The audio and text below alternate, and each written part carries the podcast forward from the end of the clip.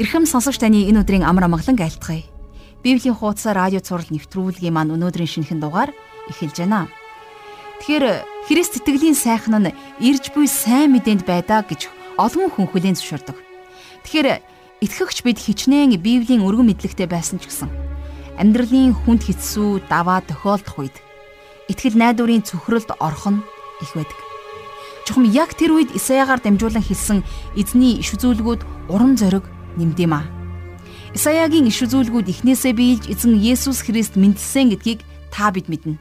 Харин одоо бол бид хожим нь Есүс Христ дахин ирж энэ дэлхийн бүх хус үндэстнийг шударгаа шүүж өөрийн хүмүүсийг болон зовж зүдэрсэн өрөөл бусдыг өмгөөлөх цагийг хүлээн амьдарч байна. Энэ жинхэнэ ихтгэл найдварынхаа үр дүнг амсах өдрүүд байх болно. Ингээд хамтдаа өнөөдрийн шинэ хичээлдээ орцгоё. Бид өнөөдөр Исая номын 9 дугаар бүлгийг хамтдаа судлах гэж байна. Ингээд бурхан талархал магтаалыг өргөж хамтдаа залбирцгаая. Бурхан эзэн минь, таньда энэ цагт бидэнд өгөгдөж байгаа гайхамшиг болгоны төлөө, таны хайр ивэл болгоныхоо төлөө танд талархал магтаалыг өргөн залбирч байна. Бид таны үгээр дамжуулан таны хүслийг ойлгон ухаарахыг хүсэж байна.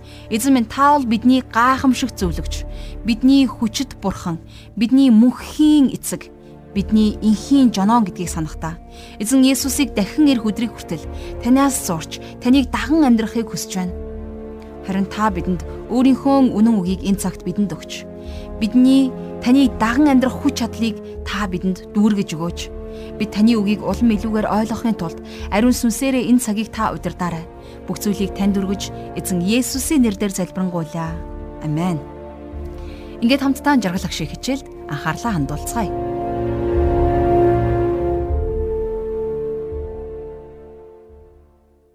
За Исая номын судлалынхаа өнөөдрийнхөө хичээлийг хамтдаа 9 дэх бүлгээр эхлүүлцгээе.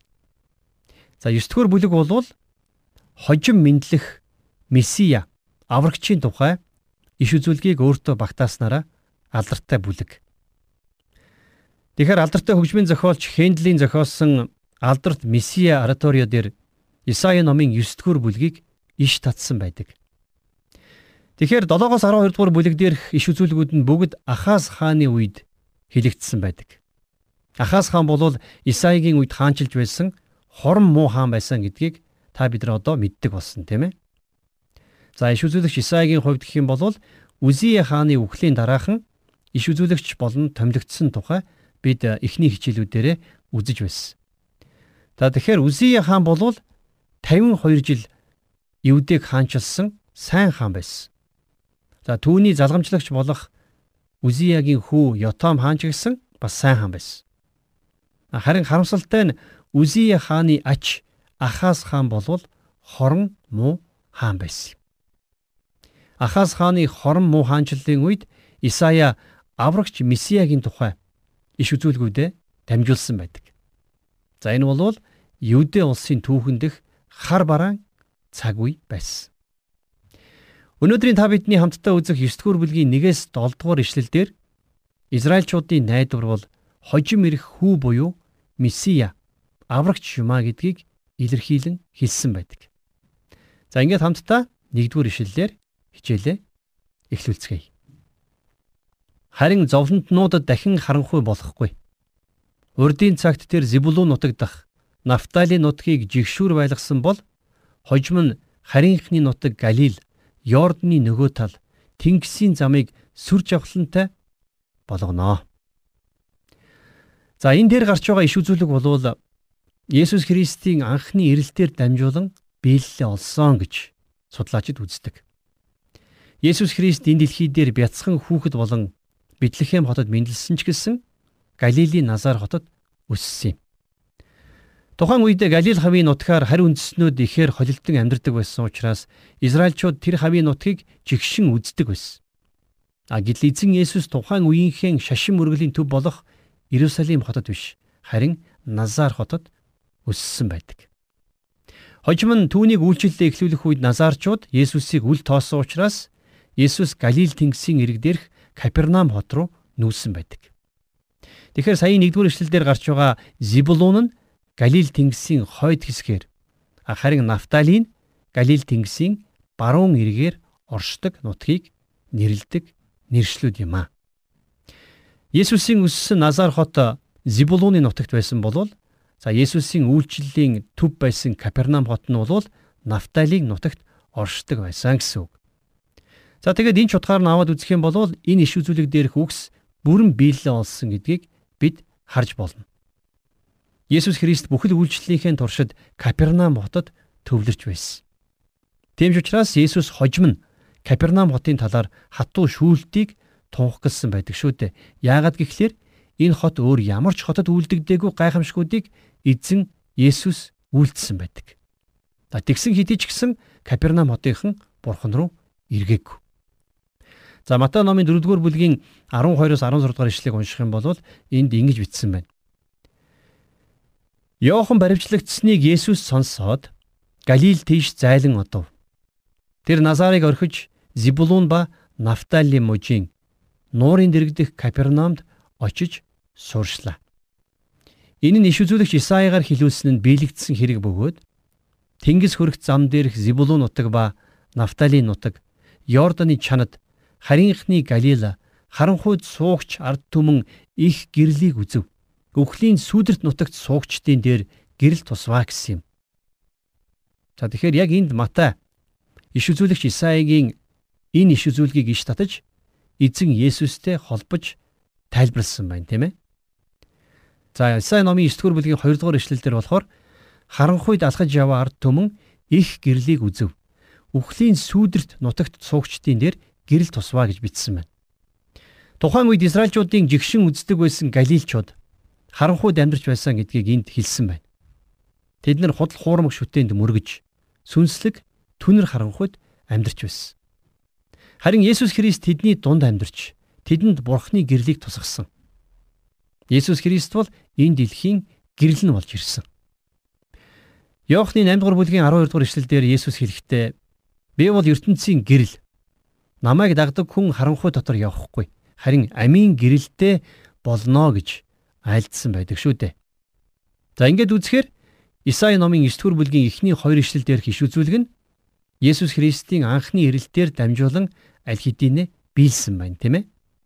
А тэгвэл дараачийн ишлэл нь Есүс Христийг дахин ирэх үед биелэлээ олно гэж судлаачид тайлбарлаж байна. За 3 дугаар ишлэгийг хамтдаа үзье. Та энэ үндэстнийг олшруулан баяр хөөргийг нь бадраажээ. Ургац хураахын баяраар олц хуваахын хөөрөөр таны оршихуйд тэд баярлалд муу гэсэн байна. За өнөөдөр Израильчууд 2000 жилийн тэртех үеэс илүү үржин оширсон хэдий ч гэсэн тэднэрт жинхэнэ баяр хөөр байхгүй байгаа. Яагад гэж? Яагад гэвэл тэд Есүс Христийг аврагчаа болгон хүлээн зөвшөөрдөггүй. За харин хожим нь Израильчууд Есүс Христэд итгэж Бурхан дээр ирэх болно. За тэгвэл саяын бидний уншдаг энэ 3 дугаар ишлэл болвол чухамдаа яг тэр цаг үеийг зөвгнөн хэлсэн байна. Исаигийн иш үзүүлгийн 2 болон 3 дугаар ишлэлийн хооронд хэдэн мянган жилийн зай гарч байгааг бид харж байна. 2 дугаар ишлэлдэр иш үзүүлэг 2000 жилийн тэртет биелэлээ олсон байтал 3 дугаар ишлэлдэр иш үзүүлэг одоо хараахан биелэлээ олоогүй л байна. Тэгвэл яагаад энэ хоёр иш үзүүлгийн хооронд ийм олон жилийн хоосон орон зай бий болсон юм бол? За яагаад гэвэл энэ хоёр иш үзүүлгийн хооронд Бурхан чуулганыг бий болгож чуулганыг өөртөө дуудан хэрглэж байна. Харин чуулганы тухай ойлголт нь Исаягаас нууцлагдсан байсан. Библиэлд хэлэхдээ Христийн чуулганы тухай ойлголт нь хуучин гэрээний туршид нууцлагдсан байсан гэж хэлсэн байдаг. За энэ тухай Паул Ром хотынд бичсэн загтлынхаа 16 дугаар бүлгийн 25-аас 26 дугаар ишлэлдэр Бурхан сайн мэдээг болон Есүс Христийг тунхагласнаар минь дамжуулан өн эрдний турш нууцлагдж байсан нууцын илчиллэлээр уламжлан та нарыг батвих болгоно. Тэр нууц нь идэвгүй илэрхий болж мөнх бурхны тушаалын дагуу иш үзүүлэгчдийн бичвэрүүдээр дамжин бүхий л харийнханд мэдэгдэж тэд итгэн дуулууртай дагах болсон гэж бичсэн байдаг. Хуучин гэрээний иш үзүүлэгчдийн хувьд энэхүү чуулганы тухай ойлголт нууцлагдсан байсан учраас тэд нар чуулгантай холбоотой цаг хугацааг алгасан иш үзүүлсэн байжээ гэдгийг бид харин одоо эндээс ойлгож авлаа тийм ээ. За тийм ч учраас Исаигийн иш үзүүлгийн 2 хон ишлэлийн хооронд 2000 жил бий болсон байна. Харин өнөөдөр шинэ гэрээний үеийн бидэнд чуулган ичлэгдсэн учраас энэ 2000 жилийн хоосон орон зайг бид чуулгантай холбон ойлгох боломжтой болсон гэсэн үг. Харин Исаяд чуулган нэгэнд ичлэгдээгүй байсан учраас энд гарч байгаа олширсан үндэстэн гэдэг нь гарцаагүй Израилийг хэлсэн байна гэдгийг бид бас эндээс ойлгох боломжтой болж байна. Дөрөвдүгээр ишлэлийг одоо харъя. Учир нь тэднийг дарамтлах буулгыг мөрөн дээрх дөнгийг нь дарангуйлагчийнхэн ташуурыг Медианы өдрийн адил та эвдэжээ. За энд гарч байгаа буулга болон дөнг хизээ яг эвдрэх вэ? Есүс Христ дахин ирэх үед эвдэгдэх болно. Өнөөдөр Израиль улс яагаад байнгын үүмэн самуун дунд амьдарч байгаа юм бэ? Яагаад тэднэрт амар тайван байхгүй байна вэ? Яагаад тэдний хилийн дагуу ийм их олон дайн самуун өрнж байдаг юм бэ? Яагаад гэвэл Тэд нэр жинхэнэ амар тайвныг авчрах чадaltaй Есүс Христээс нүрээ буруулж өөрсдийн аврагч болсон Месияга таниагүй юм. Тэм учраас Есүс Христийг дахин ирэх хүртэл дарангуйллын буулгыг хинч эвдэж чадахгүй. 5 дугаар ишлэл. Тулалдаанд цэрэг хүний өмссөн гутал бүрийг цуснд булгасан хувцас бүхнийг галын түлш мэт шатаана. За тэгэхээр Хэрвээ Израилийн түүхийг аваад үзэх юм бол Израильчууд бүхэл цаг үеийнхээ туршид дайн тулаан, үүмэн самун, хавчлаг дарамтны дунд амьдарсаар ирсэн. Тэд нар одоо ч гэсэн амар тайван байж чадахгүй л байна. Яагад гэвэл бид нар дээр хэлсэн тийм ээ. Инхийн жонон болсон Месиа Есүс Христийг тэд нар таниагүй учраас Есүс Христийг үл тоосон учраас одоо хүртэл Израильд дайн самууны хөл тасрахгүй байгаа юм а. Харин инхийн жонон болсон Есүс Христэл энэ хүмүүсийн дээр амар тайвныг авчрах чадaltaй. За дараагийн ишлэл дээр болохоор Есүс Христийн тухай буюу Израильчуудын аврагч Месиа ирэх тухай иш үзүүлгийг өгүүлсэн байдаг. Хамтдаа 6-аас 7 дугаар ишлэгийг одоо тогтун уншийе. Учир нь бидний төлөө хөвгүүн төрж бидэнд хүү өгөгдсөн аж. Засаглал түүний мөрөн дээр байж түүний нэрийг гайхамшигт зөвлөгч, хүчит бурхан, мөнхийн эцэг, инхийн жонон гэж дуудана. Давидын синти дээр түүний хаанчлал дээгүүр засаглал хийгээд амар тайван нь тэлэх үед эцэс үгүй. Шодрог ёс үнэн зөвөөр үүнийг өдгөөгөөс үн мөнхөд тогтоон тулна. Төг төмдийн эзний зүтгэл үүнийг гүйцэлдүүлэх болно гэсэн байна. Энэ гайхамшигтай үйл явдал хэрхэн биелэлээ олох вэ? Төг төмдийн эзний зүтгэл үүнийг гүйцэлдүүлэх болно гэж энд зөвгнөн хэлсэн байна. Энд Есүс Христийн анхны ирэлтийн тухай иш үзүүлсэн байна гэж олон судлаачид үздэг. За харин өөр хэсэг нь болохоор энд Есүс Христийн дахин ирэлтийн тухай иш үзүүлэг байна гэж үздэг юм. За би бол хувьдаа энэ хэсгийг Есүс Христийн дахин ирэлтийн тухай иш үзүүлэг гэж итгэдэг. Харин Исаи номын 53 дугаар бүлэг бол түүний анхны ирэлтийн тухай иш үзүүлэг юм. Иш үзүүлэгч Исая энд бидний төлөө хөвгүүн төрж бидэнд хүү өгөгдсөн ажээ гэж хэлсэн байна, тийм ээ. За тэгэхээр энд гарч байгаа бид гэдэг нь Израильчууд. Тэгэхээр энэ ишлэлийн өмнөх 3-5 дугаар ишлэл нь Христийн дахин ирэлттэй холбоотой байсныг бид үзсэн шүү дээ. А тэгвэл харин энэ хэсэг бол өмнөх ишлэлүүдийнхэн шууд үргэлжлэл болсон хэсэг юм. Хэрвээ энд Есүс Христийн дахин ирэлтийн тухай өгүүлж байгаа бол яагаад энд бидний төлөө хөвгүүн төрж бидэнд хүү өгөгдсөн аж гэж хэлсэн болоо гэсэн асуулт мэдээж гарч ирнэ. Яагаад гэвэл Есүс Христ дахин ирэх үедээ анх удаага ирсэн шигэ хүүхэд болж бэнтлэхгүй шүү дээ. Тэгэхээр ийм байна. Энд Израильчууд бидний төлөө хөвгүүн төрж бидэнд хүү өгөгдсөн гэж хэлж байгааг бид сая уншсан тийм ээ. Тэгэхээр хэрвээ Есүс Христийн анхны ирэлтийн тухай бодоод үзэх юм бол Израильчууд түүнийг хүлээж аваагүй. Тэд түүнийг таниагүй. Йохан номын 1-р бүлгийн 11-р эшлэлдэр их тодорхой хэлсэн байдаг. Тэр өөрийнхөндөө ирсэн боловч өөрийнх нь түүнийг ис хүлээн авчээ гэсэн байна. Есүс Христ анх Бэтлехемд мэдлэх үед Израильчууд түүнийг хүлээж аваагүй цөөхөн хідэн хончин л түүнийг угтан авсан. Есүсийг хүндлэн мөргөхөөр ирсэн мэрэгэн хүмүүс болвол бүгд дорн зүгээс ирсэн харь үндэслэн хүмүүс байсан. А тэгвэл энд бидний төлөө хөвгүүн төрж бидэнд хүү өгөгдсөн гэж хэлсэн Израильчууд Есүсийг хүлээж авсан гэсэн утга санааг илэрхийлж байна. За тэрч утгаараа Есүс Христ дахин ирэх үед Израильчууд түүнийг таньж хүлээж авах болно гэсэн санааг энд илэрхийлсэн байна гэж ойлгож болохоор байна.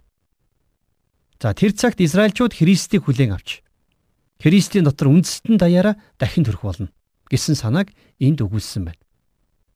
За энэ санааг Исая номын 66 дугаар бүлгийн 7-оос 8 дугаар ишлэлдэр бас илүү тодорхой өгүүлсэн байдаг. За би уншаад өгье. Тэр эмэгтэй дуншиж өвдөхөөсөн өмнө төрлөө. Тэрээр өвдөөгүй байхдаа хүү төрүүллээ. Хин ийм юм сонссон юм бэ? Хин ийм юм үдсэн бэ? Ганц өдөрт дэлхий бий болж чадах уу? Ганц мөчтөл үндэстэн бий болж чадах уу? Сион дуншиж эхлэмэгцэл хөвгүүдээ төрүүлвэ гэсэн байна. Тэгэхээр хожим нь Есүс Христ энэ дэлхий дээр дахин ирэх үед Есүс Израильчуудын төлөө төрөх биш.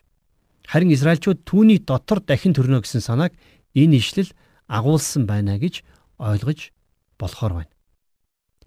За нөгөө талаасаа бол хөвгүүн төрж гэдэг нь Есүс Христийн хүн мөн чанарыг тодорхойлсон. Харин хүү өгөгдсөн гэсэн энэ үг нь бол түүнийг дахин ирэх үед биелэлээ олох болно. Өөрөөр хэлэх юм бол 2000 жилийн тэртет мэндэлсэн тэрл Есүс Христ хожим дахин ирэх болно гэсэн санааг энд хэлсэн байна. Засаглал түүний мөрөн дээр байж гэж хэлсэн байгааг бид харж байна тийм ээ. За мөр гэдэг үг бол хуучин гэрээн дээр хүч чадлыг илэрхийлдэг. Есүс Христ энэ дэлхий дээр дахин ирэх үед түүний хүчрхэг мөрөн дээр энэ дэлхийн бүх засаглал тавигдах болно. Харин Есүс Христийг анх ирэх үед тийм зүйл болоогүй шүү дээ. Энд эзэн Есүсийг ямар ямар нэрээр нэрлсэн байгааг та сайтар анхаараарай. Хамгийн ихэнд гайхамшигт зөвлөгч гэсэн байгааг бид харж байна. Энд гарч байгаа гайхамшигт гэдэг үг нь зөвлөгч гэдэг үгэ тодтогсон тэмдэг нэр биш. Харин гайхамшигт гэдэг нь өөрөө Есүс Христийн нэр. Шүүгчд номын 13 дугаар бүлгийн 18 дугаар эшлэлдэр эзний Тэнгэрлэгч хүү бурхан өөрийнхөө нэрийг ийхүү хэлсэн байдаг. За шүүгчд номын 13 дугаар бүлгийн 18 дугаар ишлэлдэр нэг ийм ишлэл байна. Эзний Тэнгэрлэгч түүнд миний нэр авгаа гайхамшигтай гэдгийг харсаар байж юунд түүнийг асууна вэ гэж айлдваа гэж. За тэгвэл энд хүү бурхан өөрийнхөө нэрийг гайхамшигтай гэж хэлсэн байгааг бид харж байна. Матай номын 11-р бүлгийн 27-р эшлэлдэр эцгээс өөр хинч хүүг мэдэхгүй гэж Есүс хэлсэн байдаг. Үнэхээр хүмүүс Есүс Христийг мэдээгүй. Тэр бол үнэхээр гайхамшиг байсан. Өнөөдөр ч хүмүүс үүнийг мэдэхгүй амьдарсаар байна. За тэрч битгийхэд олон итгэгчид түүнийг аврагчаа хэмээн хүлээн авсан хэрнээ түүнийг ямар гайхамшигтай болохыг ойлгож ухаараагүй л явж байдаг. За түүний нэрийг дараагаар нь бас зөвлөгч гэж хэлсэн байна. Бурхан хизээж хүнээс зөвлөгөө авдаг. Хүнээс мэрэгэн ухааныг бурхан хизээж гуйдаггүй. Ром номын 11-р бүлгийн 34-р эшлэлдэр эзний оюун ухааныг хэн мэдсэн бэ? Хэн түүний зөвлөгч нь болсон бэ гэж асуусан байна. Бурханд зөвлөгч гэж өрдөөсөө байхгүй. Бурханд зөвлөгч угаасаа шаардлагагүй. Яагаад гэвэл тэр өөрөө зөвлөгч. Есүс хизээч дагалдагч нараа цуглуулад "За нөхдөө Би одоо ер нь яавал дээр вэ гэж асууж байгаагүй. Библиэлд ийм зүйл нэгч байхгүй. Харин ч Есүс би ийм зүйлийг хийх болно. Яагад гэвэл энэ нь миний эцгийн хүсэл юм а гэж хэлсэн байна. 1-р Коринтын 1-р бүлгийн 30 дугаар эшлэлдэр Паул бичгтээ. Төвний үйлдэснээр та нар Христ Есүсийн дотор байгаа бөгөөд тэрээр бидэнд Бурханаас ирсэн мэрэгэн ухаан, зөвхт байдал, ариуслава золилт болсон юм а гэж. Тэгэхээр Есүс Христ бол бидний хувьд Бурханаас ирсэн мэрэгэн ухаан. Бидний ихэнх нь тийм ч ухаалаг хүмүүс биш байдаг.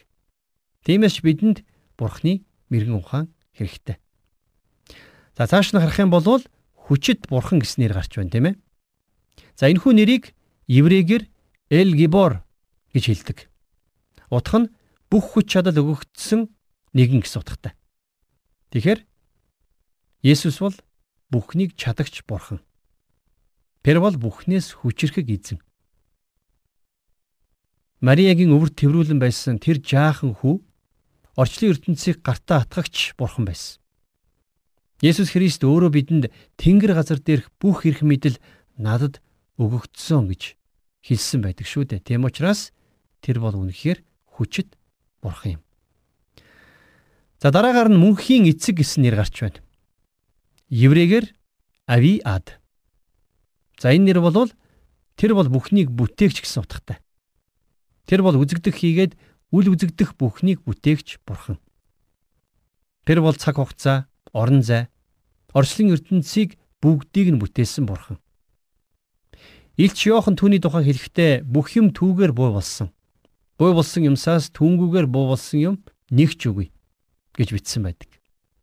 За бас Колосе хотынд бичсэн загталтаа Паул учир нь түүн дотор тэнгэр ба газар дах бүх юмс үзэгдэх ба үл үзэгдэх юмс хаан ширээнүүд эсвэл ноёрхлууд удирдлагууд эсвэл эрх мэдлүүдж бүтээгдсэн. Бүх юмс түүгээр болон түүний төлөө бүтээгдсэн байна гэж бичсэн байна. За бас Еврей номын 1-р бүлгийн 1-ээс 2-р эшлэлдэр эрт үед иш үзүүлэгчдэр дамжуулан эцэг өвгдөд олонтаа бас янз бүрийн замаар айлдсан бурхан эдгээр эцсийн өдрүүдэд бүхний өвлөгчөөр томилсон ертөнцийг бүтээсэн хүүгийнхээ дотор бидэнд хандаж хэлвэ гэсэн байна. Энд Есүсийг ертөнцийг бүтээсэн хүү гэж нэрлсэн байгаа биз? За хамгийн сүүлд нь Исая Түүнийг инхийн жон гэж нэрлсэн байна, тийм ээ. За еврейгээр үүнийг сар шалохим гэж хэлдэг. Есүс Христ энэ дэлхийд дахин ирж, энэ дэлхийг хаанчлах хүртэл энэ дэлхий дээр амар тайван тогтнох боломжгүй юм. Есүс энэ дэлхий дээр дахин ирж Давидын хаан ширээнд залрах болно. Энэ бүхэн хин нэгэн хүний хичээл зүтгэлээр биелэлээ олох боломжгүй. Харин төг төмдийн эзний зүтгэл үүнийг гүйцэлдүүлэх болно гэж Исая хэлсэн байна. За энэхүү бүлгийн үлдсэн хэсэгт буюу Исаи номын 9-р бүлгийн 8-аас 21-р эшлэлдэр тухайн цаг үеийн Израилийн нөхцөл байдлын талаар болон за тухайн цаг үедээ бас ойрын ирээдүйд биелэлээ олох тэр иш үзүүлгийн үгсийг багтаасан байна. А гэхдээ нөгөө талаасаа бол эдгээр үгс нь эцсийн цаг үед болох үйл явдлыг ч бас өгүүлсэн байдаг. Бурханаас нүур буруулж Бурхны эсрэг зөрүүдлэн босогч альва улс үндэстнүүдийг Бурхан шүүнэ гэдгийг Бурхны үг тодорхой хэлсэн байдаг. За ихэнх хүмүүст бол энэ үг таалагддгүй л дээ. Хүмүүс ийм үгсийг биш илүү гоё сайхан чихэнд чимэгтэй юмыг сонсхийг хүсэж байгаа. Харин та түүхийн ном зохиолуудыг нээгээд Бурханасаа холдож одсон Израильд юу тохиолдсныг олж уншаарай. Израильчуудын түүх бол үнэхээр харамсалтай. Үнэхээр эмгэнэлтэй түүх. Та бид нар өөрсдийн улс үндэстнийг тэдний замаар замнуулахгүй тулд хичээнгүйлэн залбирч Бурханаас зуурч амьдрах учиртай юм шүү. Миний Монголыг Бурхан ерөөн сахих болтугай. Ингээд дараагийн хичээлээр эргээд уулзъя.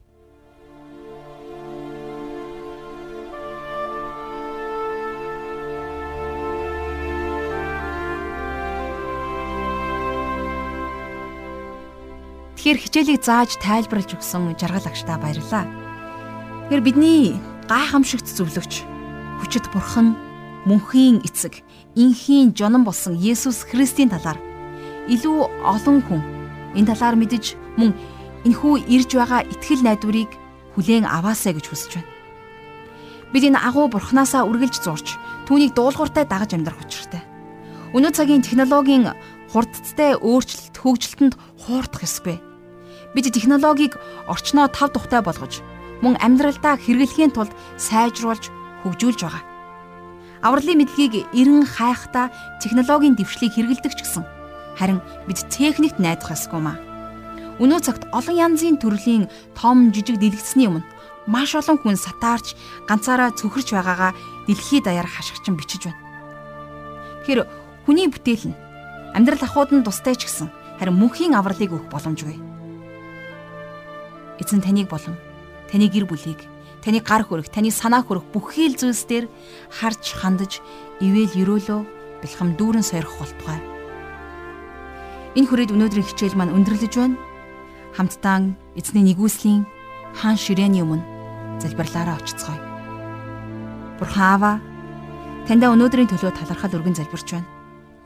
Үнэхээр та өөрийн хүүг бидний төлөө илгээж, гим нүгэлтэд биднийг авралдаа багтаасан учраас таньдаа талархал магтаалыг өргөн залбирч байна. Эзэн Есүсээ та бол гайхамшигтэ зөвлөгч. Тийм ээ та бол хүчит бурхан. Та бол мөнхийн эцэг. Та бол инхийн жон билээ. Та энэхүү агуу хүч чадлаараа бидний амьдралыг удирдах, сул дорой биднийг өөрийнхөө алдрын төлөө хэрэглээж, таны үгийг дуулууртайгаар дагаж, таны сайн сайхан хүслийн дагуу алхдаг тийм л хүмүүс болгож биднийг өөрчлөн шинчлээж аваа. Бидний амьдралын алхам бүрийг ариун сүнсээрээ та удирдаарай бүх зүйлийг танд өргөж эзэн Есүсийн нэрээр залбирanгуйлаа. Амен.